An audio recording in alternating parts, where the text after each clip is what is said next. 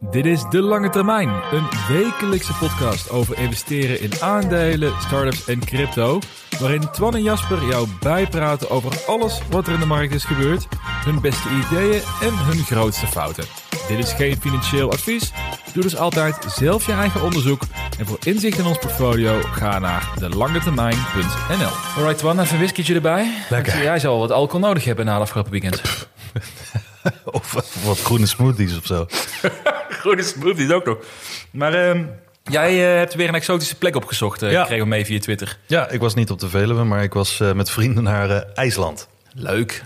Ja joh. Wordt het een beetje gezien als het, de, zeg maar, de, de Veluwe van de oceaan? Of moet ik het zien? Nou, ik weet niet, ben je er wel eens geweest? Nee, nog niet, maar het lijkt me wel geniaal jongen. trouwens. Het lijkt in de verste verte niet op de Veluwe. Dat lijkt meer op de, lijkt meer op de maan, ook al ben ik er nooit geweest. Maar ja, nee joh, het is, het is een bizar landscha- landschap. En we doen het elk jaar met vrienden. En eh, twee mensen van de groep die regelen het elk jaar. En eh, het zijn elk jaar weer eh, andere mensen. Maar we laten ook nooit weten waar we heen gaan, totdat we op Schiphol zijn. Ja, oh, leuk. Maar dit keer moesten we het wel te horen krijgen een week van tevoren. Omdat er natuurlijk allerlei gedoe is in IJsland nu met een dreigende vulkaanuitbarsting. En een heel dorpje wat ongeveer met cracks de, de grond in wordt gesleurd. Het is wel vervelend als daar je Airbnb staat natuurlijk. Dat is heel Dat, eh, vervelend. heb Daar hebben we ook al dingen gezien dat er gewoon echt van die gijzers. Dat, dat, eh, we waren met zo'n toertje mee op, eh, op zaterdag. En dat, dat die gast die die, die tour deed, die zei ook van zo, dit is bizar. Dat stuk wat we nu rijden, daar waren gisteren, was, was het de dag ervoor nog, maar twee gijzers. Dus weet je wel, Oh van ja, die openingen, dat, dat alle druk eruit komt. Want die, hè, die, die druk, die stoom, die hitte, die zoekt altijd de zwakste plek. En hoe meer van dat soort dingen erop poppen, eh, hoe meer zwakke plekken er komen. En dus hoe meer kans op, eh, op aardbevingen en dergelijke. Maar er waren ineens iets van 15. Oh, Dus, en, we zagen er ook echt drie naast zo'n huis. Waarvan ik, en het licht brandde gewoon en zo. Dus ik dacht zo, dit is echt... Hoe dan? Weet je, hoe kan je hier geen zorgen over maken? Maar niks van gemerkt verder. Geen enkele IJslands persoon wat we hebben gesproken. Ik heb er nog ex-collega's zitten. Die zeiden ook, maar je kan gewoon vliegen hoor. Ja, je kan gewoon hierheen. Maakt niet uit. Joh, dit, eh, dit maken we elke keer mee. Dus eh, de media deed het altijd lijken de afgelopen week alsof, eh, tenminste hier in Nederland, alsof het echt, eh, alsof je echt niet moest gaan. ja. Maar eh, we hebben daar niks van gemerkt. Nee, maar laten we eerlijk zijn. Je laat niet tegenhouden door een vulkaantje hier en een gijzer daar. En, eh, Tuurlijk. hè, Nou, het warm, warme lucht, waar heb je het over? Nou, dat maakt me niet zoveel uit. Maar dat is wel lekker. Ja, toch? In de winter. Nee, maar het enige waar we natuurlijk mee zaten was... eh, stel dat het nou wel gebeurt. En eh, ik weet dat in 2013 of zo, of 2010, ik weet niet meer wat het was... dat toen het vliegverkeer in Europa drie weken stil heeft Oh, gelegen. ja, tuurlijk, dat is ja. dan even niet lekker om daar te zitten. Iedereen heeft een gezin, dus... eh, Ja, nou, ja, anderzijds. Je best lekker, drie weken. Drie weken met je maat eh, even, hè, even te resetten. Ja, sorry schat, kan ergens heen. eh. ja, moeten we even wat spaarpotjes aanbreken. Want my god, wat is dat duur. Ja, wat, eh, als je vergelijkt met Nederland, veel zwaarder dan je verwacht Ja, natuurlijk. dus, nou ja, ik, ik denk minimaal twee keer zo duur.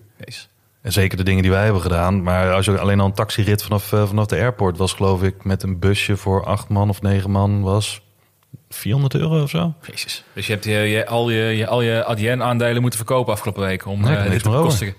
Niks meer over. ik, zie, ja, ik zie het niet aan je, moet ik zeggen. Nee? Ik ik zeggen, ik zie het aan je, maar nee. Nee, Nee, joh, eh, ik dat, ben, eh, ben goed in dat een beetje verborgen houden. Ja, maar- ik heb eigenlijk ook maar gewoon 100 euro erin zitten. Waar hebben we het over? Ja, scheelt ook wel. Ja, ja. Maar wel eh, netjes 16 jaar geleden opgebouwd, hè? 1 euro erin gestopt. 16 jaar geleden, 100 euro nu. En, Hey. en een week geleden kwijtgeraakt.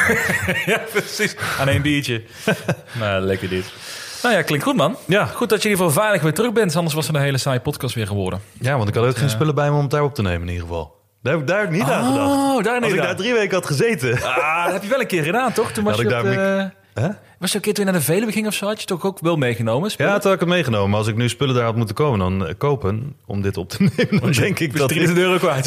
Microfoon. 3000, 3000 euro. Nou, lekker dit. Nou goed, in dat geval blij dat we er zijn. Ja, ik ook. En eh nou mag die uitbarsten. Nee. nu, is- het klaar. Nu is het hè. klaar. Nu hebben we genoeg IJsland gezien. Ja, ja. Hey, wat, eh, wat gaan we vandaag allemaal eh, bespreken? Nou, wat een mooie vraag, volgens mij, van Fibonacci Trading. Jazeker, Fibonacci trainer op Twitter. En wij behandelen natuurlijk graag vragen van, eh, van luisteraars. Zeker als het dingen zijn waar we eh, voor en na de show ook nog wel eens eh, gesprekken over hebben. Dus eh, iedereen die is nu helemaal in de ban van de Magnificent Seven. Omdat als je die uit de S&P en de Nasdaq haalt, dan eh, staat iedereen op misschien een procentje in de plus. De zeven grootste tech-aandelen in de Nasdaq, toch? Ja, Zijn dat- zeven grootste de meest, tech- de zeven best performende. Nee, Nee, het zeven zijn eh, grootste, de zeven grootste. Ja, ja, ja. Dus, eh, en die doen het ook het best. Hè? Nvidia en eh, Hmm. Tesla en dergelijke. Maar ehm, wij, wij dachten, of tenminste, we dachten het niet, daar kwam hij mee. Hoe ziet de Magnificent 7 eruit in 2030? Hmm. Glazen bollenwerk. Ja, en daar houden we van. Vind ik Ja, leuk. nou, ja, jij, meer dan ik, denk ik. Nou, het lekker is wel, over zeven jaar, als het goed is, dan luistert niemand meer podcast. Dan kijken we ja. alles vanuit een soort eh, 3D-achtige kloop kijken we naar content. Dus dat maakt toch niet uit wat we nu zeggen. Oh, en je niemand- niet? En niemand luistert het toch terug, dus maakt het uit. We Nee, is ook kunnen gewoon zeggen wat we willen, toch? Dat is ook zo. Dat is onze podcast. Wij bepalen de regels. Wij Maar het is bepalen. wel een leuk onderwerp van eh, Fibonacci Ja. training, denk ik, om daarover te hebben. Een beetje speculeren. Misschien komen weer een paar aandelen langs aan mensen die dan denken. Ja, Of wel misschien. Ja, Wie weet. ja. Leuk. En eh, we hebben ook de vriend van de show natuurlijk weer. Komende vrijdag. En deze keer gaan we het hebben. Wat lach je nou? ik, zit, ik zit het mee te lezen en ik moet nog steeds lachen om dat onderwerp. Oh, oh lekker. Wat, wat je nu gedaan kon. Oh, oh, ja, je bent er van een spoiler. Nice, nee. Nee, we gaan het hebben over... ehm, we hebben altijd namelijk iedere week moeten altijd goed nadenken... wat we gaan, speciaal voor onze vrienden gaan, eh, gaan over gaan praten. En deze week ga ik vertellen, daar kwamen we net op... waarom ik dus nooit meer in een Discord ga over één aandeel. Ja. En dat heeft me namelijk zo knijten veel geld gekost. En ik zal later vertellen waarom dat zo is. Ja. Dus dat is speciaal voor onze vrienden. Die gaan geld besparen, joh, met deze tip. Ik, ik kan er ook nog wat over mee vertellen, want ik heb hetzelfde met Discord. Zit je ook in Discord? Nou, nu niet meer, maar ooit wel. Kijk. Oké. Nou, dan... eh, Dat is niet best. Dat is de enige tip die eigenlijk moet onthouden van deze aflevering. Maar ja, die zit achter de betaalmuren. Ja, verkloot is dat, hè? Als je commercieel moet gaan denken met dit soort dingen. Tuurlijk. Dus, eh, ach ja, komt zo goed. Hey, maar daar gaan we straks over hebben voor de vrienden van de show. Voor eh 17,50 per jaar. Nog steeds een knijter mooi deal voor wat je hier bespaart natuurlijk. Aan eh, goede en slechte adviezen. Ja. Ik heb, het, wel. eh, ik heb hem met twee biertjes uitgegeven in eh, IJsland. een, Ja, een precies. jaar aan vriend van de show eh, bijdragen. Eh, was, het, was het waard, twee biertjes? Nou, de eerste twee biertjes waren het waard, de laatste twee minder. Dat- Ja, ja, lekker. Hey, laten we meteen, eh, of meteen, laten we beginnen over het portfolio. ja, Want ehm, hoe staan we ervoor? nou, ik sta er best prima voor. Oh, ik, ik hoor het aan je toontje. Nee, Want ik hoor het aan je van... Nou, ik heb eigenlijk niet zoveel te klagen. Nee, joh. Nee. Nee, het is, eh, het is ja, een year high. Het, is, eh, het gaat maar man. door. Ja, Wat sta je op? 37,8 procent. Lekker. Nog steeds wel onder... En ik weet niet of mensen dit bij zichzelf ook doen. Maar ik blijf het zeggen. Ik sta nog steeds onder de Nasdaq performance. Oh man, wat vreselijk voor Nee, maar... het is toch, Vreselijk, het, is toch, 37%, ja, het dat blijft bizar dat je denkt slim te zijn, Ja. een portfolio samen te stellen, van alles erover te lezen, een podcast te doen, et cetera, et cetera. Als het goed is, krijg je meer kennis en krijg je meer eh, ervaring. Ik doe het al 17 jaar. En het is natuurlijk maar één jaar dit. Ja, gemeten. ja. Maar ik blijf het bizar dat zo'n index dan gewoon zwaar overperformt. Ik ben het heel met je eens. Ik had deze week een eh, collega van mij die vroeg ook om... eh, van, eh, als daar de crypto bullrun erop zit... dan wil hij iets conservatiever zijn met zijn geld. Hopelijk dan, hè, natuurlijk. Ja. Zei hij, dat wil ik ook eens met aandelen. Want dat is een iets solidere manier om, wat, om iets te doen. Ik zei, nou ja, in dat geval, hij wil ook niet volledig risico wegnemen. Ik zei, nou, dan kan je doen wat ik ook van plan ben of ben het doen ook. Is gewoon de, de Nasdaq ETF voor de komende jaren. Want die doet het best goed. Ja. En zei hij, oh, maar, dit, maar aandelen doen het toch heel slecht dit jaar? Nou, ik ging even een paar aflopen. De QQQ plus 45 procent. Ja. maar misschien die grote aandelen, die grote tech-aandelen doen, doen toch niet zoveel? Apple plus 60. Ja. Eh, Tesla plus 60. Facebook plus 170. Dude, nou, die kijkt hij eventjes, ja. Maar het is inderdaad wel bizar dat je, wat je zegt. Ja, en dat is echt die eh, Magnificent Seven. Nou ja, waar we het zo over gaan hebben. Het is, eh, het is nog steeds, de, de, heel veel mensen schreeuwen ook eh, steeds harder van wat als die gaan underperformen en wat als die zeven gaan roteren naar iets anders. En de klappen komen bij die, bij die grote jongens. Ja, dat- kan. Ik zie het nog niet echt gebeuren. Dus Ik heb volgens mij nog niks van aanleiding gezien hè, waarom die bedrijven Nee. opeens flink zouden. Want het is ook niet, als je naar, de, naar een aantal daarvan kijkt, bijvoorbeeld in Google. Het is ook niet dat die bedrijven sterk overgewaardeerd zijn. Ja, en Nvidia kan je misschien niet van vinden. Ja. Maar de groei van Nvidia was ook waanzinnig. Dus zelfs daar viel de waardering eigenlijk nog wel mee waar Ja. ze nu op staan. ja, Dus, dus ik, ik, ik zie niet meteen, eh, met daar net, net zozeer, ook helemaal geen duur aandeel relatief gezien. Dus Maar- ja, ik zie het niet. Ik, en ik, we hebben het natuurlijk vaker op Twitter over, dat als je, ehm, eh, dat veel mensen kijken dan gewoon naar hoe de koers zich ontwikkeld heeft. En die zien plus 170 procent, Hmm. die zien dat het veel hoger staat dan een jaar geleden. Dus ja, dit kan niet goed gaan. Dit is een parabool, kan niet goed gaan. Maar ik, ik vind fundamenteel kijken naar aandeel veel leuker en veel interessanter. En ik, ik, zie, ik zie het niet. Ik, Nee. ik zie niet hoe dat... heeft Nvidia vanavond niet toevallig? Nou, dat hebben mensen natuurlijk al gezien dan, maar heeft zou kunnen, zou vanavond eh, earnings? Nou, die ga ik wel volgen in dat geval. Ja. Want ik, vorige keer was ik echt Ja, ik ook. ontzettend verbaasd Ik wat ze ook. lieten zien. De Ja. tandjes van een groei was dat. Dat mensen ook echt zeiden van, hé, is hiermee gesjoemeld of zo? Ja. Of wat is dit allemaal? Ja, gewoon beter dan, veel beter dan verwacht. Bijna too, too good to be true. Ja, echt een good to be true. Maar ja, ja, we gaan misschien zien of ze nu de omzet naar voren hebben gehaald of niet. Maar, idee. maar lekker man, 37,8. Heb je ook niks gedaan of zet je alleen maar eh, geld uit te geven in IJsland voor de rest niks aan je portfolio? Ja, ik had geen geld meer. ik heb niks Nee. meer over. Nee, ja, snap nee, ik. had niks gedaan verder. Dus eh, nee. Lekker. Ja. Ja. ik heb dus eh, mijn eh, grote liefde, heb ik afscheid van genomen. Ah, oké, ja, ja. ik wou net zeggen, Dat is al de deur uit. mijn favoriet hier was. Nee, nee, ja, ik heb uh, canoe dus verkocht. Helemaal. Ja, volledig. En het komt, ik had nog maar, ehm was sowieso nog maar organisch een kleinere positie geworden van ehm 3 of 4 procent geloof ik. En je kent mij, ik heb dan een hekel aan kleine posities. Want als die eh, 10 procent stijgt, doet het onderaan de streep, zeg maar voor je totale portfolio nog steeds zo weinig. Maar wat is dat dan? Wat is het dat jij een hekel hebt aan kleine posities? Het doet zo weinig. Ja? Dus ik, ik had bijvoorbeeld deze week, hè, ik zag, eh, want ik heb canoe, dat is knap trouwens, kun je me nageven, op de absolute bodem weer verkocht. Echt de absolute Klasse. bodem, letterlijk de bodem. en vanaf dat moment is die plus 60% gestegen in een week. 60? 60% Ja, ja, nou, wa ja, waardeloos moet ik niet zeggen, maar ge- geen bijstersterke earnings. En ik vind het verhaal nog steeds. Ik, nou, laat, ehm, stapje terug. Ik heb verkocht, canoe verkocht, want het, ze hadden earnings call. En het was gewoon weer ontzettend matig. En de, de dag ervoor hadden ze aangegeven dat ze dan eh, auto's hadden geleverd aan de staat Oklahoma. En de dag daarna heeft de Oklahoma, de staat, persbericht uitgestuurd. Ja, wacht even. De canoe heeft nog helemaal niks geleverd. En we hebben nog helemaal niks ondertekend. Nee? Dus dat soort shit. Ik dacht, ik ben er nu zo klaar mee. Dus ik had verkocht. Ja, en ik dacht zelfs voor die 3% aanhouden heb ik gewoon geen zin in. Want eh, dat wil ik zeggen, hij steekt dus 60%. Maar in absolute zin betekende dat nog steeds niks voor mijn portfolio. En dat is ook zo. Ja, ik denk dat dat een heel aan. veel mensen, nou, niet, ik wou niet zeggen verkeerd doen, maar ik zeg dat ook vaak van eh, niet alleen afscheid nemen van een positie, maar ook een positie die je hebt, bijvoorbeeld verkopen, Mhm. omdat je hoopt dat het daalt en dat je dan voor 10% lager kan kopen.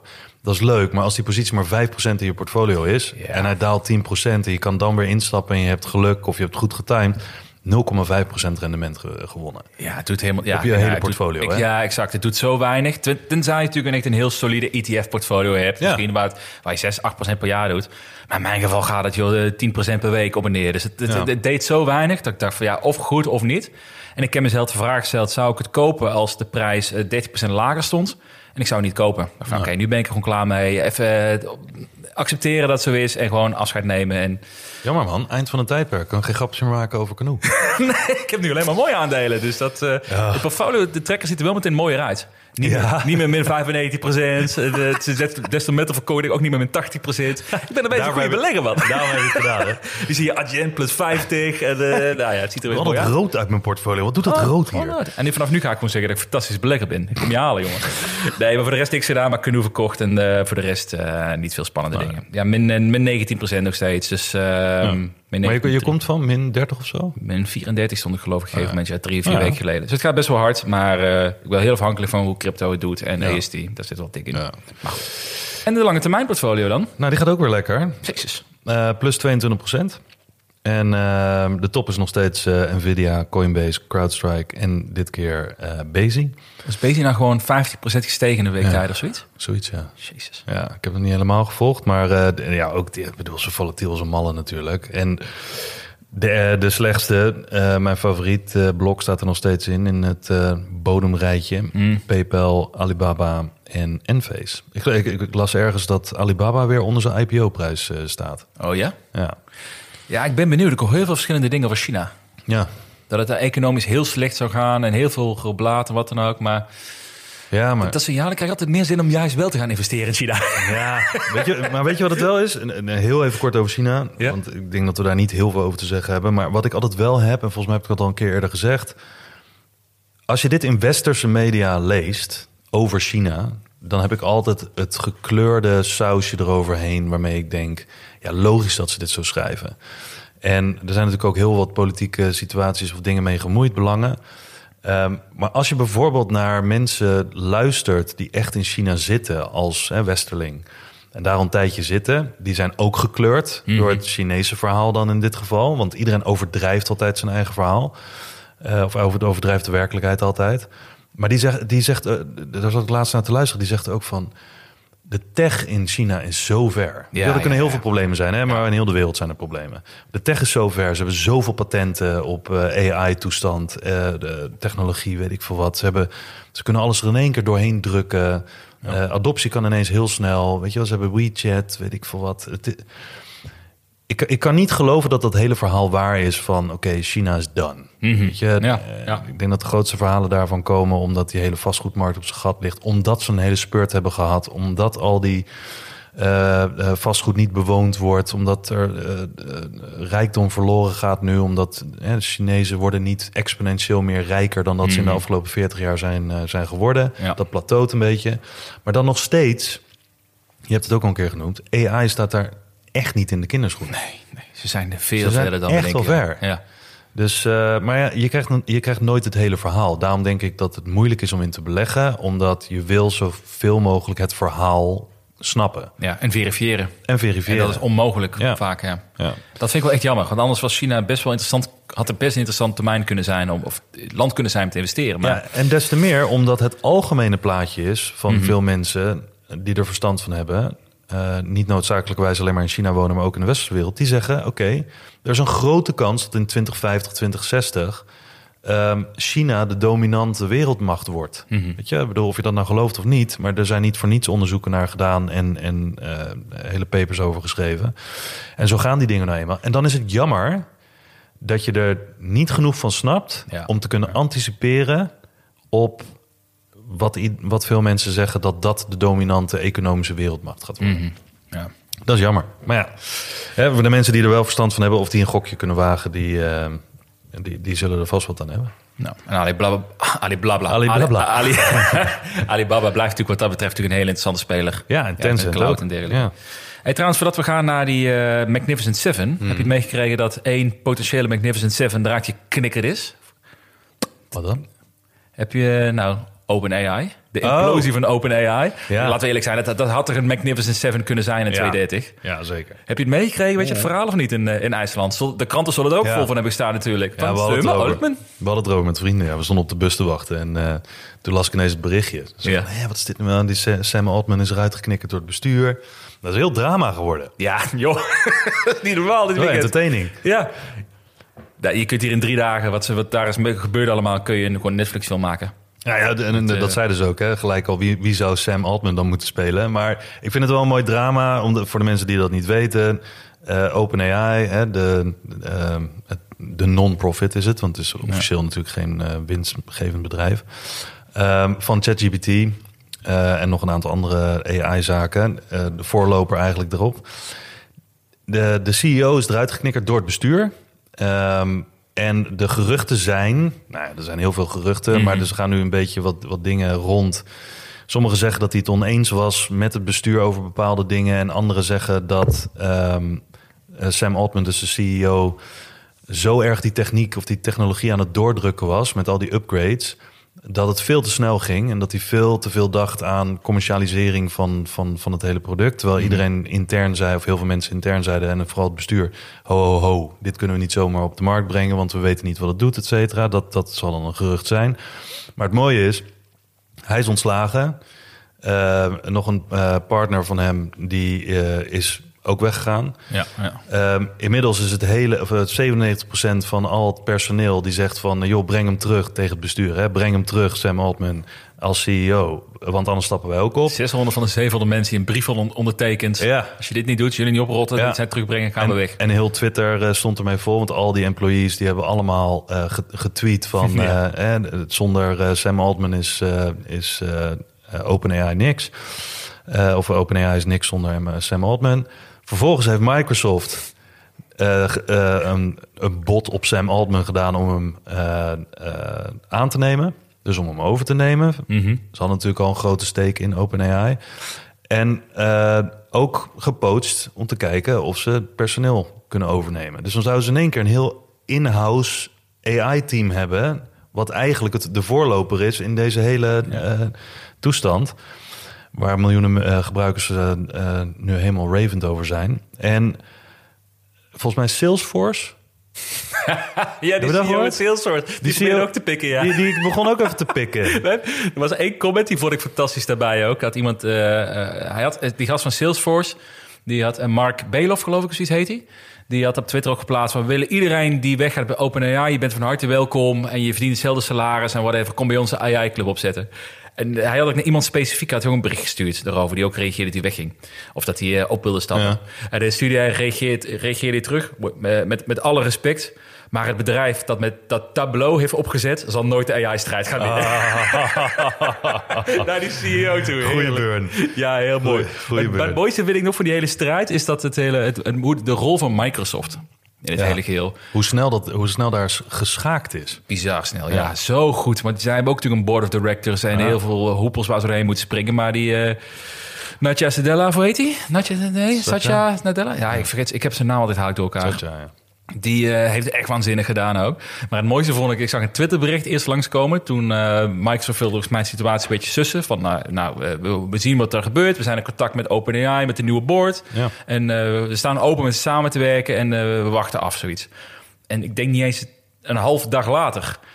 nou, we staan nu open om samen te werken met de nieuwe CEO. Heel leuk om Emmet te leren kennen. Ook een goede beschrijving van de CEO, zijn voornaam Dat gebruiken. is de ex-CEO van Twitch, toch? Ja, ja, Ja. klopt. Eh, we gaan eens kijken naar om Emmet te leren kennen. Eh, maar een ander nieuwtje. Wij hebben Sam Altman en eh, Greg hebben we nu eh, toegetrokken. Die gaan het bij ons het AI-team leiden. En we hebben ruimte voor iedereen die daar weg wil. Maar een ander ding er nog over, wat, wat ik ook interessant vond, was... en dat zijn natuurlijk geruchten totdat het bevestigd is... of het is inmiddels al bevestigd als mensen dit horen... maar dat het bestuur van OpenAI, toen ze Sam eruit hadden geknikkerd... hadden ze volgens mij contact gezocht met eh, een van de concurrenten van OpenAI. Ja, Ik weet niet hoe de Entropic of zo heet dat? Ja, ja, Zoiets? ja. Ik kende het niet. Ehm, eh, om een merger te doen. Dus om, een, eh, Ja. om de twee bedrijven samen te voegen. Ehm, en toen hebben ze de CEO... Of nou ja, ik weet niet precies wat het verhaal is. Maar volgens mij...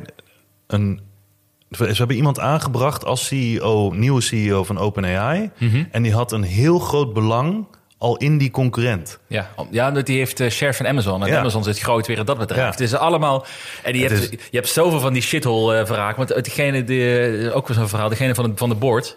die eh, zijn start-up waar hij in zit... die drijft volledig op eh, ChatGPT-bots. Oh ja? Chatbots ChatGPT. Maar toen Sam Altman heeft dus één of twee weken geleden... Heeft hij, heeft, hebben zij de, de, de App Store gelanceerd... waardoor zijn hele start-up niks meer waard is. Oh, meen? Want zijn business kan je nu zelf maken met een chatbotje via Ah. ChatGPT. En hij is toevallig, toevallig de, de, de, de voorman zeg maar, van de directie van OpenAI. Nou ja, goed, er zijn zoveel over te lullen. Daar, daar kun je een aflevering over vullen wat daar gebeurd is. Ah, het, is, het is wat je zegt. Het is wel echt een Netflix-serie. Ja, maar gewoon in één weekend. 80, Een bedrijf van 80 miljard, kopje om. Want dat gaat, dit gaat natuurlijk nooit meer eh, worden wat het was. Ja, ja, ja, ik weet het niet. Eh, Dus er gaan ook geruchten dat Sam wel terug wil komen. Maar ik heb geen idee. Het is in ieder geval een bizar verhaal Ja. op zo'n cutting edge space. Eh, want dit gaat zo snel. Ja, ja. En er wordt ook zo snel geschakeld. Dat ik, ik bedoel, nou, wat je zegt, dat eh, over het weekend eh, Microsoft al gewoon had toegeslagen en bam. Ehm, ja, en dan was er nog een ander nieuwtje. Ehm, want dat vind ik in die zin interessant. Ehm Bux, Mhm. Nederlandse broker, doet weer een scale-up investeringsronde. Ja? Zit je in toch ook of niet? Ja, daar zit ik in, dus ik kreeg dat mailtje eh, voor volgens mij een privéronde of zo. Maar er zijn heel veel geruchten ge- geweest over bugs. Ehm, dat het verliesgevend is. Dat ehm, eh, ze hebben toen natuurlijk die, wat is het, 2 of 3,99 per maand gelanceerd. Oh ja, ja. Als abonnementskosten. Er ze heel veel kleine beleggers mee weggejaagd. Heel drama allemaal. Eh, tenminste, voor zover je het een drama kan noemen. Ehm, en dat Bux had ook een, of heeft of had, een crypto token. Mm. En daar zouden ze allerlei functionaliteiten aan hangen. En ze hadden gezegd van, joh, als je duizend van die tokens hebt, dan kan je eh, gratis treden of zo, of weet ik veel wat, of goedkoper treden. Er zat een soort voordeel aan en ze hadden beloofd dat er allerlei nieuwe functionaliteiten aan zouden zitten. Nou, de enige plek waar je het kon kopen was Bux in de Bux app zelf en op Qcoin volgens mij. En toen heeft op een gegeven moment Qcoin dat gedelist, waardoor er in één keer een enorme waardedaling was ervan. Heel veel Nederlandse eh, nou ja, beleggers of speculanten, hoe je het ook wil noemen, die in ieder geval in crypto zitten en in die token zaten van Bux.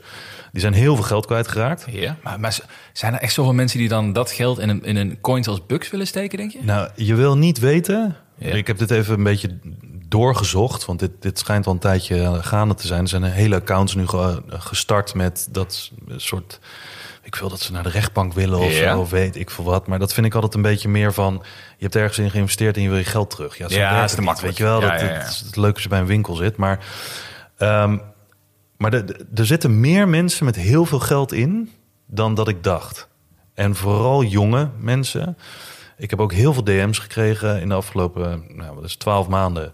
Van eh, je moet eens naar de Bucks token kijken. En eh, eh, dat, dat gaat het volgende ding worden, et cetera. Heel bizarre Ook omdat het een Nederlands bedrijf is natuurlijk. Heel veel mensen zijn daar trots op. En ze doen wat met crypto. Nou, oké. Ehm, maar dat ze nu dus weer een investeringsronde hebben... waarbij ze al 5 miljoen volgens mij hebben opgehaald van bestaande investeerders. Maar ze zochten nu ook weer... of ze, ze zochten, ze gaven de kans, zo wordt het dan natuurlijk ingepakt... ehm, om ook bestaande investeerders eh, eh, de kans te geven om een miljoen, geloof ik, eh, op te vullen. Ehm, maar dat vind ik altijd, ja, ik weet niet wat ik daar zo goed van moet vinden. Ik heb niet bijgelegd, Ehm, omdat, ja, Je bent al je, je geld verloren in de Bucks tokens. nee. nee. Voor die Ja, ik, heb, het korting. ik heb ze ooit een keer gekocht, omdat ik dacht van, nou, ja, dat gaat streden, weet ik veel wat. Het leek me interessant, het kostte toen niks. Volgens mij was het 5 cent per, per token. Oké. Ja, weet je, dat maakt niet zoveel uit. Maar ik heb ze weer van de hand gedaan, eh, op een eh, gelukkig moment. Maar ehm, dat vind ik interessant aan Bucks, dat dat nu dus weer een investeringsronde is. Ondanks dat er al die geruchten zijn en dat heel veel mensen zeggen van, nou, er zijn grote problemen. Of het echt waar is, weet ik niet. Ik vind het nog steeds een fantastische app. Ik vind, ook, ik ben ook, vind het ook leuk dat het een Nederlandse app is, een eh, Neo-broker. Alleen toen las ik het volgende. Ehm, en dat schijnt al een tijdje bekend te zijn. En er schijnt al een tijdje een heel groot gerucht over te zijn. Eh, maar het is ook aangekondigd in de earnings call van Robinhood. Weet je wel, de bekendste in, eh neo-broker in, eh, in Amerika. Met volgens mij, weet ik veel, tientallen miljoenen gebruikers. Dus ook helemaal bekend geworden door het hele GameStop-verhaal en dergelijke. Ehm, maar Robinhood heeft aangekondigd dat ze naar Europa komen. En dat ze eerst willen beginnen in de UK. Mhm. Binnen nu en een aantal weken. Grappig, want dat is eigenlijk niet Europa. Dat is eigenlijk niet Europa. Nee, nee, maar dus ze, ze willen eerst naar de UK Ja. om, om daar een, een soort foothold te krijgen en dan naar Europa. En ze hebben altijd gezegd, eerst de UK, daar zijn ze ook allemaal mensen voor aan het zoeken. Eh, en dan vervolgens kunnen ze makkelijk, want daar zijn ze ook al mee bezig, eh, naar Europa doorschalen. Maar dat zou dan een directe concurrent van Bucks worden. En natuurlijk ook van alle normale brokers, hè, de Giro, weet ik veel, links en dergelijke. Maar als je ziet in Amerika hoe snel zij zijn gegroeid. En als je ook ziet hoe snel zij bijvoorbeeld rente op cash door hebben gevoerd. En hoe ze, ze hebben pensioenrekeningen ge- ge- geïntroduceerd in Amerika. Ze, ze implementeren dingen heel snel. Ja, ze zijn heel agressief met de ontwikkeling, toch? Ja, en ze hebben heel veel shit gekregen hè, voor die hele GameStop-saga. Ja, GameStop-saga wat natuurlijk terecht is. Dus eh, echt gewoon een deuk in het imago. Ehm, maar ik vraag me af wat dat gaat betekenen voor neobrokers in Europa... als zij zo agressief willen doorgroeien. Ja. ja. Ehm, geen idee. Ik weet ook niet. Ik, ik zou het graag willen testen. Want eh, heel veel mensen die ik volg, ook Amerikanen... die doen alles met Robinhood. Nou, ik las laatst, en eh, ik weet niet of het helemaal klopt, maar ik ga ervan uit van wel, dat er in Amerika meer users zitten op Robinhood dan eh, zeg maar qua beleggingsrekening Ja. dan bij alle grote banken bij elkaar. Omdat het gewoon zo makkelijk is. En het is wel een stukje, ze maken wel heel erg een gambling element erin. Maar goed, dat hoef je natuurlijk niet aan te grijpen. Met veel met opties toch ook, wat ze ermee eh Ja. mij doen in Amerika. Ja, heel veel opties. Ja, het is eigenlijk een beetje een soort casino-achtig iets hoe het maken. Met, met ook als je, als je verkoopt, krijg je zo'n confetti-kanon en dat soort dingetjes allemaal. Ja. Ja. maar goed, het werkt heel slim. En wat jij zegt, ja, als ze zo snel zijn met ontwikkeling.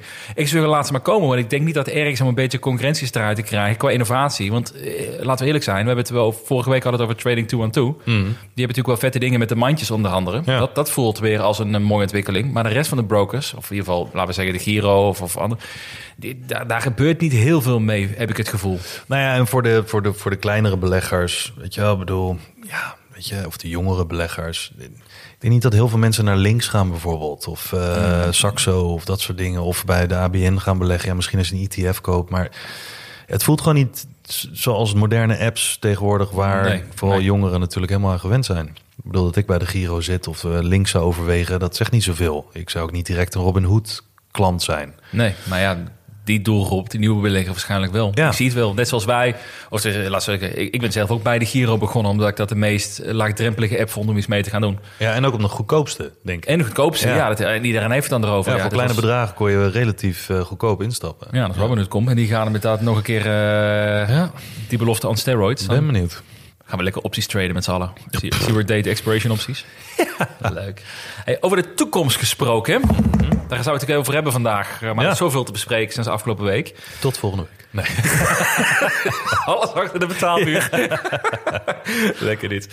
Nee, ehm, wij gaan het hebben natuurlijk de, de wat eh, Fibonacci-trading. Onze fanatieke volger op Twitter al heeft, heeft ingefluisterd. Van ga eens een keer hebben over de Magnificent 7 voor jullie voor 2030. Ja. En dat is natuurlijk wel leuk, want dan kunnen we een beetje gaan speculeren... of wat de grootste gaat zijn of niet. Het is natuurlijk ontzettend moeilijk te voorspellen is. over zo'n tijd. Ook al is het niet heel zo lang, maar... Zo niet onmogelijk. Zo niet onmogelijk. Volgens mij, eh, ik weet niet wat de laatste tien jaar gebeurd is. heb ik niet zozeer gevolgd. Was maar, niet bij. eh, heb ik allemaal geskipt, vond ik niet leuk. Maar, ehm, maar gewoon nu zijn het dus natuurlijk Google, Apple, Amazon, Meta, Microsoft, Nvidia en Tesla. ja. Dat zijn de top 7. Dus de vraag is aan ons, hoe ziet het over zeven jaar eruit? De Magnificent Seven. Hetzelfde. Oh ja, gaan we zo beginnen meteen, hè? Nee, ja, goed. nou, dat- toen wij het hierover hadden, ehm, en we het al een aantal keer over gehad, over dit soort dingen, dat ik heb altijd eh, voor mezelf het idee dat je denkt, wat we ook al vaker hebben gezegd, dat, het- dat dingen meer veranderen in de komende jaren dan dat ze eigenlijk doen. Weet je wel, dingen blijven vaak, het is veel van hetzelfde. Er, komt niet een enorme opschudding binnen nu en zeven jaar. eh, op dat soort vlakken, weet je wel, qua grootste bedrijven, grootste groeiers, eh, Magnificent Seven. Als je kijkt naar de afgelopen twintig jaar bijvoorbeeld, dan staan nog steeds veel van dezelfde namen in die top 10 Mhm. van grootste bedrijven. En als je de Magnificent Seven, wat voor mooi verhaal je er ook aan hangt. Eerst als het Fang, toen Magnificent Seven. Iedereen geeft er ook een marketingnaam aan, want dat is leuk voor, voor, voor in de blogs. Mhm. Maar als je kijkt bijvoorbeeld Microsoft stond er 20 jaar, eh, eh, 23 jaar geleden ook al bij. Hm. Maar voor de rest is die hele top best wel veranderd. Maar als je kijkt naar de afgelopen 10 jaar Mhm. bijvoorbeeld, dan kan je zeggen dat, nou wat was het in 2013, even eh, 10 jaar geleden, Apple, Alphabet, Microsoft, nou stond al ExxonMobil stond erbij, eh, Berkshire Hathaway, General Electric, Johnson Johnson, Wells Fargo. Nou, maar de top was Apple, Alphabet, Microsoft. Ja, oké. Die zitten nog steeds bij. In, drie- in 13, In 2013. 13, dus 10, 10 jaar geleden. Oh, me. Ja, oké. Hm. En als je kijkt naar vorig jaar, eh, dan had je Apple, Microsoft, Alphabet, Amazon, Tesla. En dan had je voor de rest Berkshire, United Health Group, et cetera. Ja, Dus de ja. top bestaat uit tech. Die tech, dat, de, daar zijn de grootste van Magnificent Seven. Als je kijkt naar de komende nou, zeven jaar, dus 2030, dan denk ik, met name omdat wij ook geloven in tech. Mhm. En op na, met name ook omdat ik, ik kan alleen voor mezelf spreken, denk dat tech echt een grote toekomst heeft. En dat die machtige bedrijven, tenzij er regulering komt om ze uit elkaar te halen, dat die bedrijven zo machtig zijn. En ze hebben ook zo weinig, ze kunnen ook zoveel van hun innovatie financieren zonder schuld. Bijvoorbeeld, Ja, ze hebben echt enorme cashflows. natuurlijk. enorme Ja. cashflow. Eh, die zijn niet zo afhankelijk van al die eh, marktsituaties en, eh, en rentes en dergelijke. Enorm voordeel. Mhm. Ik denk niet dat dat snel gaat veranderen. Ik denk niet dat die Magnificent Seven in 2030 in één keer de nummer 10 tot 20 zijn. Dat Nou ja, misschien, nee, misschien één of twee ervan eh, mogelijk. Ja, misschien één of twee. Ja, maar het, het gros ervan het zal in de gros 10 hetzelfde blijven staan. Ja, Maar dat dat, denk mag ik je wel. misschien wel. Ja, ik denk ook wel dat je daarin ook wel gelijk hebt. Ik, zie, ik, ik, ik zat te denken, er zijn een paar waar ik wat meer op- zelf over zou twijfelen. Bijvoorbeeld een Tesla zou ik over twijfelen. Of zij die groei kunnen volhouden die bijvoorbeeld een Google en een Microsoft kan gaan halen de komende zeven jaar. Dus ja, zitten ze dan nog in de top 10, kun je af, vraag ik me af. Maar inderdaad, de groei die ehm, eh, de grote techbedrijven maken, die Amazon nog steeds aan het maken is. Ja. Ik, ik heb ook gekeken, ik heb gekeken naar de top 100 nu in, eh, in de Nasdaq. En eh, ik heb echt aangevinkt ook van welke van die nu in de top 100 zou ik verwachten binnen zeven jaar in die top 7 plek kunnen, kunnen, kunnen zitten. En ik kwam er ook maar misschien op één of twee tegen die Ja. heel misschien een klein beetje. Maar als, als ik nu zou moeten kiezen, zou ik ook voor die top, ja, waarschijnlijk voor die top 7 gaan. Het gekke alleen, dat is natuurlijk wel de nuance. Als je deze vraag stelt aan mensen in 98, hey, wat, wat denk je wat over de grootste, bedrijven, grootste bedrijven blijven? Had ook iedereen Enron gezegd en GE Ja. en dat soort eh, bedrijven allemaal. Maar dan heb je het over 25 jaar, hè? Nee, tuurlijk. Maar tien jaar later waren ze allemaal... eh, Oh, zo, ja. Dus, dus dat- het, het kan wel snel gaan. En ik denk wel dat wij ook qua tech en zo'n... Ja, wat jouw grote vriend eh, Rob Paul zegt... ook de ex- exponential age waar we in zitten... Mhm. dat het zo snel kan gaan... Ja. dat het mij ook niet zou verbazen... dat er wel significante verschillen gaan komen in de komende jaren. Maar ik zou niet durven zeggen wie. Ja, en de, de vraag is dan eigenlijk een beetje... eh, als je kijkt naar de topbedrijven, Hmm. hoe groot hun marktkapitalisatie is.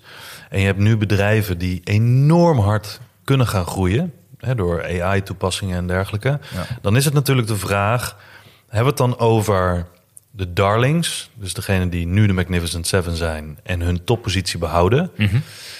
En misschien, weet ik veel, 20, 30 procent per jaar groeien. Nou, wat een flinke groei is. Of heb je het over de bedrijven die van plek, weet ik veel, 180 naar, eh, naar 20, Hm. naar plek 20. Mhm. Dan heb je het over de snelst groeiende bedrijven. Die het meeste potentieel hebben om van die AI-revolutie bijvoorbeeld eh, eh, gebruik te maken van andere technologische voordelen. Van het goedkoper worden van energie. eh, misschien als de rente straks daalt, dat ze in één keer een enorme impuls kunnen krijgen. Geen idee. Mhm. Maar om zo'n marktkapitalisatie te krijgen die Apple, Tesla, Google en Microsoft hebben. En de positie die ze hebben verworven Ja, ja. in de wereld. Met teams en nou, ja, dat hebben ze ook niet in één nacht opgebouwd. Ja, je moet, je moet, en die market cap voorbij is, moet dan ook eigenlijk Google flippen eigenlijk een market cap als je het zo bekijkt. Echt bizar Ja, wat je ja. daar in zeven jaar voor nodig hebt om dat te Ja, flippen. dat klopt. Dat klopt. Tenzij een paar van die bedrijven gewoon volledig instort. Want dat kan natuurlijk ook. Hè? Ik zie het niet gebeuren. Ja. Maar als hun market cap keihard daalt... omdat er schandalen zijn of ze worden opgebroken... door Congress in, eh, in Amerika... omdat ze te machtig zijn, kan ook. En dan groeien anderen groeien daar voorbij. Maar ik zie dat niet zo snel gebeuren. Nee, en ik denk ook niet in die zin dat die voorspelbaar zijn. Want Nvidia bijvoorbeeld was zeven jaar geleden... volgens mij een bedrijf waar niemand iets voor gaf. Ja. Hetzelfde zou je nu in die zin kunnen zeggen van Intel misschien wel. Ja. Die, die hebben, hebben ook enorme eh, potentie, enorme schaal... hoe zij kunnen gaan produceren, ook in een groeiend domein. Qua industrie in ieder geval. Ja. Wie weet hebben ze straks een hele goede CEO, nieuwe, nieuwe vorm waar ze kunnen zitten en gaat het ook door het dak heen. Omdat hun, hun, natuurlijk hun waardering ten mensen ook relatief laag. Dus Ja. ze kunnen expanden op waardering en op groei. Ja. Dus, ehm, maar misschien moeten we het ook niet hebben over wat de Magnificent Seven gaan zijn. Misschien moeten we daar een mooi term, mooie term voor geven. Eh, de Booming Seven. wat worden de zeven die waarschijnlijk volgens ons de grootste stappen kunnen gaan maken in die zeven jaar? en dat is wel leuk, want eigenlijk is de Boomer Seven noemen, maar dan kom je uit met ING en dan zeg je, dat is een beetje saai. De Booming Seven. Ja, de Booming Seven. Nou ja, ik vind het lastig. Ik vind het oprecht een lastige vraag. Het, het is een leuke. Ja, gelukkig doen we entertainment en geen financieel advies. Je bent al zo bang altijd om voorspelling te doen, jij Nee, ook, dat hè? niet, Of, niet eh, bang. Maar omdat als ik het gevoel heb dat ik niet. Nou, wat is het 90% zeker ben over wat ik zeg. Mhm. Dus ook eh, qua eh, eh, onderzoek of controle. Daar maak ik ook niet van gokken. Weet je wel? Ik bedoel, gokmachines en dergelijke. Ik moet een zekere mate van zekerheid hebben. Zou ik nog liever pokeren mhm. dan een gokmachine. Ja, oké, daar ben ik met je eens. Ehm, en met dit vooruitkijkend, terwijl ik volledig geen controle heb over hoe het gaat in de wereld, maar alleen maar kan anticiperen op wat ik eigenlijk, nou ja, misschien 50 meter voor mijn auto kan zien. Mhm. Zo kan ik sturen en gas geven en remmen. Maar ik zie niet verder dan dat. Ik zie niet kilo, kan niet kilometers naar de horizon kijken. Dus waar ik naar heb gekeken voor de Booming 7 is ehm, welke, bed- welke bedrijven of welke beleggingen ken ik? Mhm. Waar kan ik wat over zeggen? Waar denk ik een beetje verstand van te hebben? Ehm, en welke van die denk ik dat een hele grote kans hebben om grote slagen te gaan maken? Mhm. Ehm, en dus in de Booming 7, daar moet een mandje van maken. Booming Seven, leuk. Booming Ja, 7 ja, ja, bij ja, Trading ja, 2 ja. en 2. Ehm, nee, dus ik heb gekeken naar ehm, een aantal namen waarvan ik denk dat die binnen de sectoren waar ik verstand van heb eh, goed kunnen groeien. Mhm. Maar ik heb daarnaast ook gekeken naar sectoren die goed kunnen groeien. Bijvoorbeeld cybersecurity. Mhm. Dan zou ik de eerste zeggen CrowdStrike, maar ik heb daar te weinig verstand van. Data, waar we het vorige keer ook over hebben gehad. eh, energy storage, Oh ja. wordt ook Ja, een ja. hele grote. Eh, telehealth, Mhm. heb ik ook te weinig verstand van. Maar ik denk dat dat als sector echt heel erg groot kan gaan worden. Of dat binnen nu een zeven jaar is. Maar dat gaat grote stappen maken, denk ik. Ja, denk. Ehm, maar voor, bij mijn eigen circle of competence heb ik eh, een paar namen opgeschreven. Coinbase. ja. Ja. Zit je niet in natuurlijk nu, hè? Nou, via de ETF. Ja, oh ja, tuurlijk. Ja. Ja, ja, ja. ja, Eh, Coinbase sowieso, want ik denk dat er een, eh, een toekomst is voor de hele kleine markt die we nu eh, crypto noemen. Mhm. Ehm, daar gaat Coinbase zowel als retail kant eh, en als institutionele kant grote slagen meemaken als dat de toekomst heeft. En ik denk dat dat ook een deel van de toekomst wordt. Mhm. Ehm, dan eentje waarvan sommige mensen zullen zeggen, die gast is echt zijn verstand kwijt. Maar ik denk Robinhood. Ja, dat vind ik een leuke. Ja. Leuke suggestie. Dat is nooit bij me opgekomen, maar eh, wat je net vertelde ook. Mhm. Kan ja, en ik, en ik denk ook dat als je kijkt naar 2030, dat is over zeven jaar. In 2030 zijn de eh, jongeren die nu, nou, laten we zeggen, 14 tot 18 zijn, komen dan in hun verdienjaren. Mhm. En gaan die dan traditionele brokers gebruiken of traditionele banken gebruiken? Of gaan die apps gebruiken die alles in zich hebben, maar gewoon voelen alsof het meer aansluit bij hoe andere apps werken voor hun? Ja, ja. Ehm, ik, ik moet nog iemand tegenkomen die 15 of 16 is en die gewoon helemaal enthousiast is van de ABN. Of, eh, of de ING of wat dan ook. Ik bedoel, het is vaak omdat de ouders zeggen van... hey, hier maken we een kindrekening aan of weet ik veel wat... en dan neem je dat over. Maar ik denk dat heel veel gewoon snel overstappen... en niet eens een de Giro-account hebben. Heel veel hebben gewoon eh, gelijk bijvoorbeeld een Bucks-account aangemaakt... of als Robinhood hierheen komt. En dat denk ik, als Robinhood hierheen komt... dat ze heel veel... eh, want waarom zou het alleen in Amerika werken? Dus dat Ja, ze heel veel klanten gaan trekken.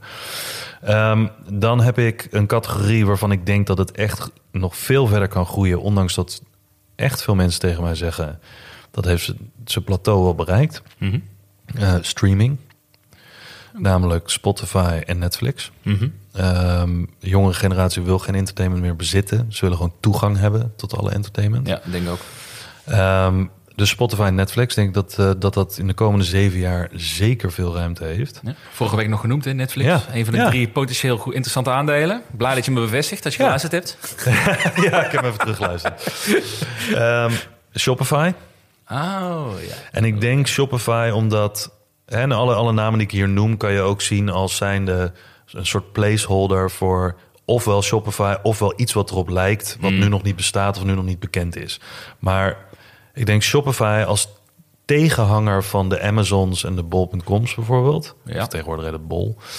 Ehm, omdat het de jonge ondernemers eh, de kans geeft om heel snel hun eigen business op te starten. Ja, ja. Van waar ze ook zitten. Ik heb het zelf ook gemerkt. Mijn vriendin die heeft het ook gedaan. eh, was zo opgezet.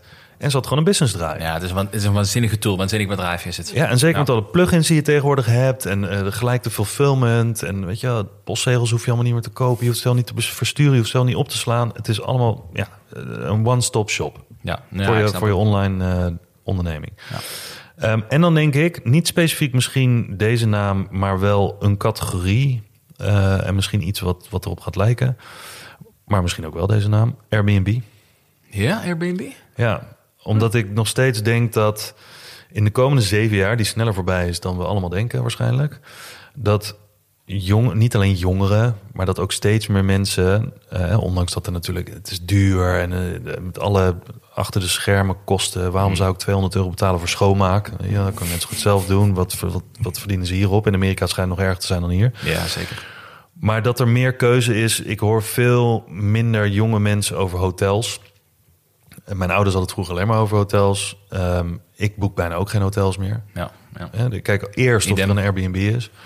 Eh, ik denk niet dat het gaat stoppen. En ik denk ook dat Airbnb, als ze gaan... want ze breiden nu natuurlijk al uit naar ervaringen en dergelijke. En dat als ze dat in nieuwe segmenten gaan uitrollen... zoals ze dat een paar jaar geleden in ervaringen... en dus niet alleen in eh, letterlijk eh, Airbnb's deden... Dat, ja, dat, dat kan een platform geven wat nog veel meer ruimte heeft om te groeien... denk ik in de komende zeven jaar. In ieder geval die categorie. Ik Eh, grappig vind trouwens bij alle opties tot nu toe. Ze, hebben allemaal, eh, ze profiteren allemaal van netwerkeffect. Ja, Het zijn allemaal enorm schaalbare platforms waar je ook, eh, als je zou willen, eh, vrienden zou kunnen connecten. Of waar Ja. in de toekomst potentie is om je vrienden mee te kunnen connecten, om te communiceren onderling. Ja. Allemaal netwerkplatforms. ja. Dus dat eh, interessant. En ik denk, en dit is dan de zevende, want we moesten er zeven kiezen. Maar, de, maar het moest. Het was zwaar, jongen. Het was niet te doen. Ehm, nee, de, de zevende is eigenlijk een categorie. En is crypto. Goud. Oh, Goud. Nee, crypto. Want ik denk dat wat crypto... En ik, ik, je zal merken, in alles wat ik uitleg... heb ik meer naar de jongeren gekeken. Omdat, wat ik net zei, 14 tot 18 gaat dan in hun, eh, in hun verdienjaren komen. Ehm, in 2030 of richting 2030. En ik denk dat wat crypto geeft, naast het speculeren en gokken... ehm, is dat jongeren zich veel meer verbonden voelen met de communities die zich binnen crypto eh, bewegen. Eh, veel meer dan TradFi. Mhm. En ik denk ook dat jongeren uiteindelijk minder hebben met aandelen dan met crypto. Eh, hun ouders hadden crypto. Gegarandeerd. Ja, Dat, dat blijkt uit alle onderzoeken al, hè, van Genties. Ja. Ja. Nou, precies. Dus dat. Ik denk dat dat ook niet minder wordt. Ehm, en ik denk ook, en ik weet niet of dit echt iets is, maar ik geloof het wel. Ik zit niet in de generatie, maar ik geloof wel dat veel jongeren crypto ook zien als enige manier om het gat te dichten Hmm, mhm. tussen wat ze niet hebben en wat ze willen hebben. Ehm, we hebben het veel over de huizenmarkt en dat soort dingen. Eh, ja, het is gewoon niet heel makkelijk. En dan kan je zeggen van ja, ze geeft ook zoveel geld uit aan uit eten gaan en zo. Nou ja, whatever. Ja, dat, ja, die boomer-argumenten die... eh, Ja, ja, dat is allemaal fantastisch hoe mensen daarop losgaan. Maar ja, meer dan de vorige generatie denk ik dat ze crypto gaan gebruiken om dat gat te dichten. Ja. Veel zoals de generatie van mijn ouders eh, vastgoed gebruikte Ja, om een gat te dichten. ze moeten wel. Maar met 6% per jaar, of in dit geval misschien eh, 44% is in Nest Ja. dit jaar, ga je het niet meer redden om het, om het in te halen. Nee. Wordt alleen maar duurder, wordt steeds moeilijker voor ze. Ja, en als je, als je al die, die vibrant communities, eh, wat je er ook over zegt, ik denk dat, dat de meeste mensen die er wat over te zeggen hebben qua negativiteit bij crypto, dat het over het algemeen de mensen zijn die daar zelf niet in zitten. Ja, zeker. Het is natuurlijk een hoop bagger Hmm. ehm, en een hoop hopium. Maar ik snap, 95% is crap. Ja. 95% is crap. Maar als je de communities ziet die eromheen betrokken zijn... ehm, en ook dat je realiseert dat jongeren niet langer meer... Jongeren zijn geen fan van bedrijven. Jongeren zijn fan van merken. Ja. Ja. Merken en communities. En eh, dat social signaling van... Hey, ik, heb, ik heb dit aan of ik speel dit spel... of eh, ik koop iets in een spel of wat dan ook... Dat is allemaal social status. Ja. En dat hangt allemaal rondom merken. Bijvoorbeeld eh, Taylor Swift is ook een merk. Mhm. Weet je wel, ik bedoel... eh, en die weet heel goed wat die, eh, hoe die dat... die hele Taylor Swift-economie in, in, in stand moet houden... en wat ze haar community wil geven. En dat zie je ook bij crypto. Ja. Maar ik denk als je dit hier meer ons uitgebreid over wil horen praten, moet je die aflevering, of je moet niks, maar die aflevering twee weken geleden terugluisteren, waar we het helemaal hebben over digital assets, hoe die jongeren daarmee opgroeien en waarom Ja. het helemaal niet zo gek is dat die groep zo digitaal minded is. Ja.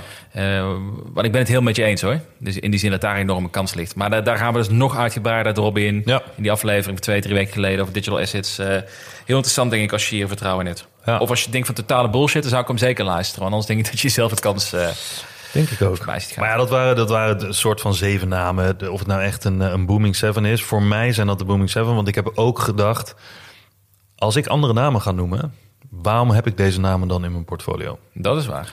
Want ik heb shoppen... De enige die ik niet heb is Airbnb. eh, en Netflix. Mhm. En Robinhood heb ik nu in een mandje bij Trading 2 Two. Gewoon een fintech mandje eigenlijk. Oh ja. Ehm, maar... Zit ik Ja, wel naar hoor ik daar wat? Hoor ik Nou, daar nieuwe, ja, ja, ja. Zijn dit de eerste teaser wat het eerste nieuwe voorgedaan? Nou ja, ik denk dat ik mezelf heb tegengehouden bij Robinhood bijvoorbeeld, om, omdat er zoveel meningen over zijn. Mhm. En ik heb er nog nooit goed, echt goed genoeg naar gekeken, maar ik heb er nu echt veel uren aan besteed en ook veel Aan gamblen. aan gamblen, ja. En veel informatie die over? Toch die confetti, confetti die je ja. ja, ja. Het maakt beleggen en geld verliezen toch net wat leuker. Ja, hier, take my, take my money. Ja. Nee, maar ik zei, ik vind het interessant dat, je net, dat het allemaal netwerkdingen zijn. En inderdaad, iets waar de jongere generatie ook mee is opgegroeid. Het zijn allemaal merken waar ze, de jongeren mee opgegroeid zijn. Of in ieder geval millennials, Gen X, Gen Z's. Ja. Het, interessant. Ik ben benieuwd. Ik schrijf ze allemaal op, hè. Want over zeven jaar komen we hierover terug. Ja, Weet ik je te vinden in IJsland of in de Veluwe waar je dan ergens in een bos zit verstopt. eh, waarschijnlijk de laatste, ja. ja, ik heb er ook nog zeven. Ja. Zeven gezocht. Ik zit, ik heb, we hebben één overlap, hebben we. Oh ja, die wist ik al.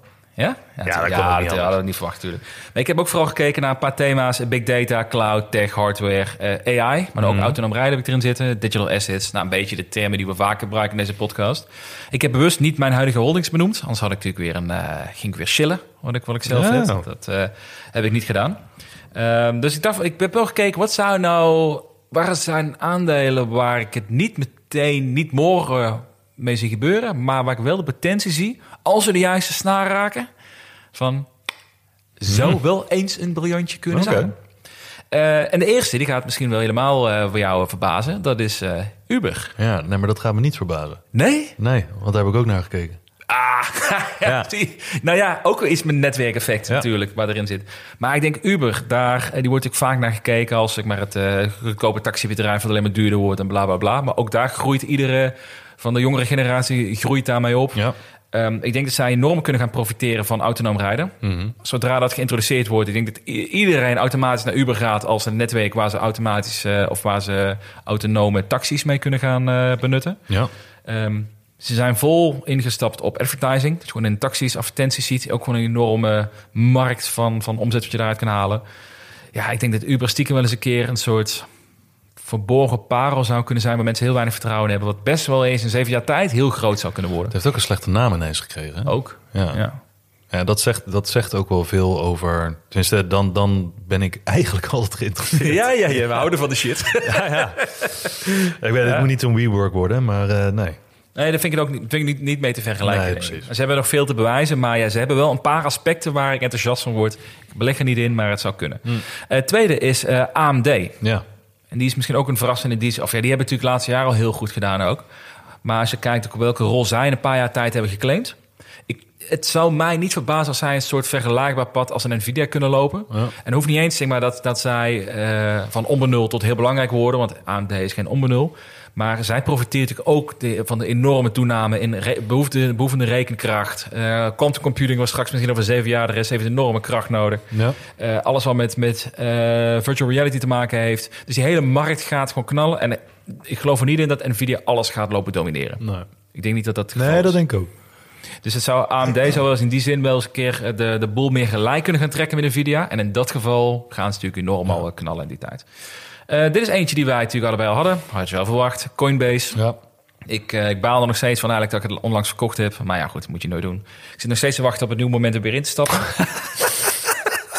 nu staat je 30% Oh, hoger, weet je Ja, carouselletje. man, ik word er helemaal gek van. Maar het is, dit is dus wel geboren uit die enthousiasme over de digital assets... waar we het laatste tijd veel over hebben. Hmm. En ik, ik zie... Vandaag is eh, Binance heeft eh, flinke problemen. Oh, ja? Die zijn aangeklaagd. Die hebben nu eh, toegegeven dat ze gefraudeerd hebben. Of in ieder geval, ze, ze hebben de, de, een schikking met de SEC hebben ze gedaan. De CEO moet aftreden. Die heeft ook plead guilty dat hij dat eh, niet volgens de regels heeft gewerkt. Ja, dat is... eh, Maar de CEO van Binance US? eh, nee, gewoon de, de, de, C- de CEO van Binance. Die, Oké, die- CZ. ja, CC. Die, eh die ben heel benieuwd hoe dat gaat lopen. Ja, op dit moment is Wauw. een persconferentie. Maar dat, dat voegt ook weer samen met argumenten waar het vaak over hebben met Coinbase. Het meest gereguleerde crypto-exchange in de VS. Waar een bepaalde hè, voordeel zit om die toch een duwtje in de richting te geven. Ook al worden ze ook daar door de SEC achterna gezeten. Ik denk dat Coinbase de grootste kan worden op dat gebied. En dan gaat het hard, hard, dubbel hard. Eh, Kraken kreeg ook op zijn flikker, hoorde ik. Kraken wordt ook aangeklaagd. Ja, ja. ja. dus het is... eh, ja. Eh, eentje die, ehm, die ik ook interessant vind, is ook echt een, een alles of niks, denk ik, is eh, Palantir. Ook een soort AI-play, world def, eh, defense-achtige play. Heel ingewikkelde software wat ze aanbieden. Maar die heb ik al eerder, al een jaar of twee geleden al een keer genoemd. Van of het wordt ooit een keer een, eh, een, een top 5 in de S&P, of het wordt helemaal niks. Een nieuwe Fang noemde ik het toen. Nu noem ik het de nieuwe booming-stok. Dus dat, eh, ik blijf consequent Juist. wat dat betreft. dat is wel goed. We hebben ook een Nederlandse trots, heb ik erin zitten. ASML. Ah ja. Wat vind je daarvan? Nou, binnen nu en zeven jaar zie ik dat inderdaad ook wel gebeuren, ja. Ja, zou Ja. me niet verbazen met, met de, tech die ze hebben, het belang van semiconductors, de behoefte van iedereen en de unieke rol die zij daarin hebben. ja. Ik denk dat die voorsprong die ze hebben, dat ze die niet binnen zeven jaar kwijtraken. Maar dat daarna misschien, weet je, je hebt geen idee. Mogelijk. Maar tot die tijd is er zoveel nodig aan ASML. Ja, je moet erbij langs, wil je daarin kunnen schalen. Ja. Dus ik ben heel benieuwd. Maar ik denk ASML zou wel eens een enorme groeier kunnen zijn. Ook al is het best wel een duur aandeel nu al. Eh, eentje die ik ook wel leuk vond, ehm, iets minder vertrouwen in, maar het zou me niet verbazen, is eh, Adobe. Hm. En ik denk met name omdat de creatieve suite die zij hebben, nu al hebben staan, ook met Figma zometeen die erbij komt. Ik denk dat iedere creatieveling kan niet meer zonder Adobe. Je hebt AI waar ze wat zijn met Firefly en be- enorme benutten zijn. Ik denk dat zij wel eens een stapel kunnen zijn en worden voor eh, de, de, de creatieve markt. En dat ehm, met name waarom ik denk dat Adobe een goede kans maakt, is dat hun cashflow is waanzinnig. Ja. Zij zijn een van die bedrijven in die sector die massaal kunnen blijven investeren, kunnen kopen, kunnen schalen. Een soort Mi- Microsoft tien jaar geleden, denk Ja. ik soms dus. Ja, dat, denk, ik- ja, dat vind ik ook, ja. ja. Dus Adobe zou het kunnen. En de laatste, die vond ik doe een beetje cheeky. Eh, ik ga voor twee verse IPO's die ik verwacht. Star, eh, SpaceX. Ja, Ik denk dat, dat dat kan natuurlijk zomaar een top 10 worden over zeven jaar tijd. Wel een combinatie met Starlink. Als ze gaan opdelen, dan is het spel niet meer eerlijk. Ah, ja. Maar eh, SpaceX en Starlink is natuurlijk een waanzinnige combinatie. En eentje waar de Dark Horse, maar ook niet helemaal, maar wij kennen hem denk ik, Stripe. Ah, ja, die moet ook nog een IPO maken. Ja, en ik denk dat ook. Ik denk dat dat wel eens de fintech-speler, misschien hopelijk een klein beetje met, met Adyen, maar dat is zo'n stabiel en steek bedrijf, dat, eh, dat Stripe. En iedereen doet het ermee. Dat is eh, IPO's. IPO's. Ik, weet niet- ja, niet om dit te lang te maken, maar ik hoorde vanmiddag hoorde ik iemand zeggen die diep in dat hele verhaal zit met een macro-economisch adviesbureau. Grote jongen die zei ehm, dat hij dacht dat hij wist niet precies op welk tijdsbestek, maar dat hij zei dat de hele digitale economie zo gaat veranderen dat hij verwacht dat in de toekomst er gewoon niet of nauwelijks meer IPO's zullen zijn. Oh, alles wordt getokenized, zeker. Ja, dat op een andere manier. eh hè, dat ontstaan dan ehm, eh, bedrijven met miljarden waarderingen, maar die hoeven helemaal geen IPO te doen. Ja, je, je kunt meteen verkopen. In je start-up fase kun je je tokens verkopen. Ja, nou, dat is ook een heel onderwerp eh, Ja. los. Maar ik ben het er helemaal... Ik, ik zie het ook. Ik denk Ja, ook, dat zou me niet verbazen. wel Dus eh, samenvattend voor jou. Coinbase, Robinhood, Spotify, Netflix, Shopify, Airbnb en crypto. Mhm. Dat zijn jouw zeven picks.